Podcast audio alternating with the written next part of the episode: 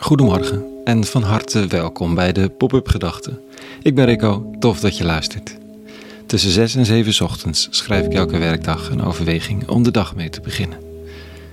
Vandaag met de titel Maar wil ik het wel?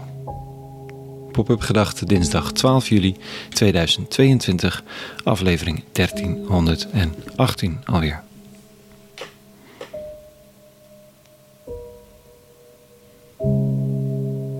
Soms vergeet je het even hoeveel van die pop-up gedachten er eigenlijk al zijn gemaakt in de afgelopen jaren. Ik heb het even opgezocht. Dit is nummer 1318. Zou het op een gegeven moment afgelopen zijn? Gaan er nog duizend volgen? Ik heb werkelijk geen idee. Vandaag is vandaag. En van ophouden wil ik vooralsnog niet weten. Vandaag is het de vraag naar de wil. Mijn wil. Jouw wil. Wat wil ik eigenlijk? Wat drijft me? Wat hoop ik? Wat verlang ik ten diepste? En hoe komt het dat wat ik ten diepste verlang meestal overvleugeld wordt door wat ik op korte termijn verlang? Ik wil bijvoorbeeld best een poosje zonder alcohol. Tenminste, ik wil dat op de momenten dat het niet s'avonds is en we met een groepje samen zitten te eten. Of ik met mijn lief de dag afsluit en het moment even wil vieren. Dan wil ik even wel alcohol. Niet willekeurig wat, maar gewoon een wijntje of iets om even het moment te markeren. Ik wil van alles. En je hebt dieper liggende wil, daar ergens onder, oppervlakkige wil. Je hebt het gevoel van het moment dat fuck het zegt en het goede voornemen uit het raam kiepert. En je hebt de wil om ochtends op te staan, die 1318 pop-up gedachten lang. Sterk genoeg om te blijven schrijven. Dan denk je dat daar heel veel wilskracht voor nodig is misschien, maar dat is niet zo zo wilskrachtig ben ik niet. Ik ben er alleen domweg nooit mee opgehouden. Vandaag levert een trappistenmonnik commentaar op de lezingen van de dag. Als je met de bijbellezing van de dag niet meteen uitkomt, dan is er altijd nog een commentaar. Lang leven het katholieke leesrooster. Je kunt er alle kanten mee uit. De trappist van vandaag zegt zo ergens rond het jaar 1937.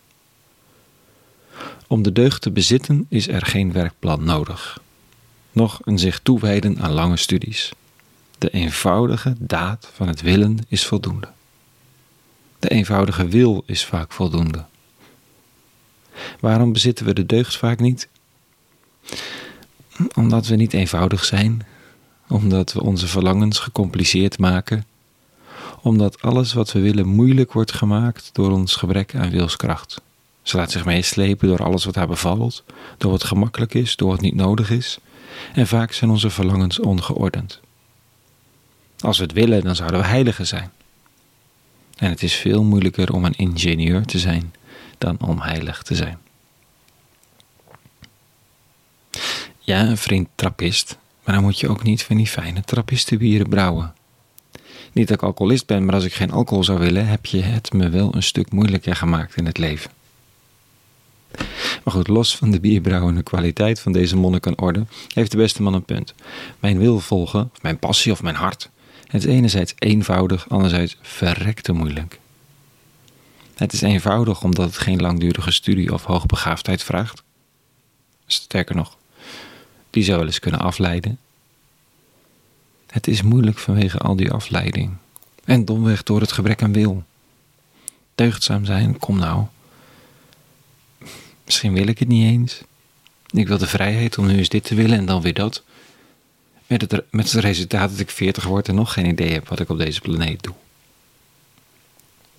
Het commentaar van deze monnik volgt op een lezing uit het Evangelie. Jezus van Nazareth die zegt vandaag. In die dagen begon Jezus de steden waarin de meeste van zijn wonderen waren gebeurd te verwijten dat zij zich niet bekeerd hadden. Wee u, Gorizin, wee u, Bethsaida. Tyrus en Sidon zouden reeds lang in zak en as zich bekeerd hebben, indien bij hen de wonderen waren gebeurd die bij u hebben plaatsgevonden.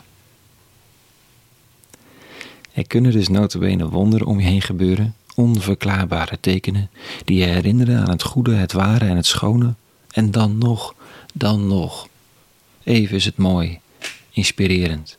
Je zou er toch een natuurliefhebbend, naast de verzorgend, vijandminnend, egoloos wezen van worden.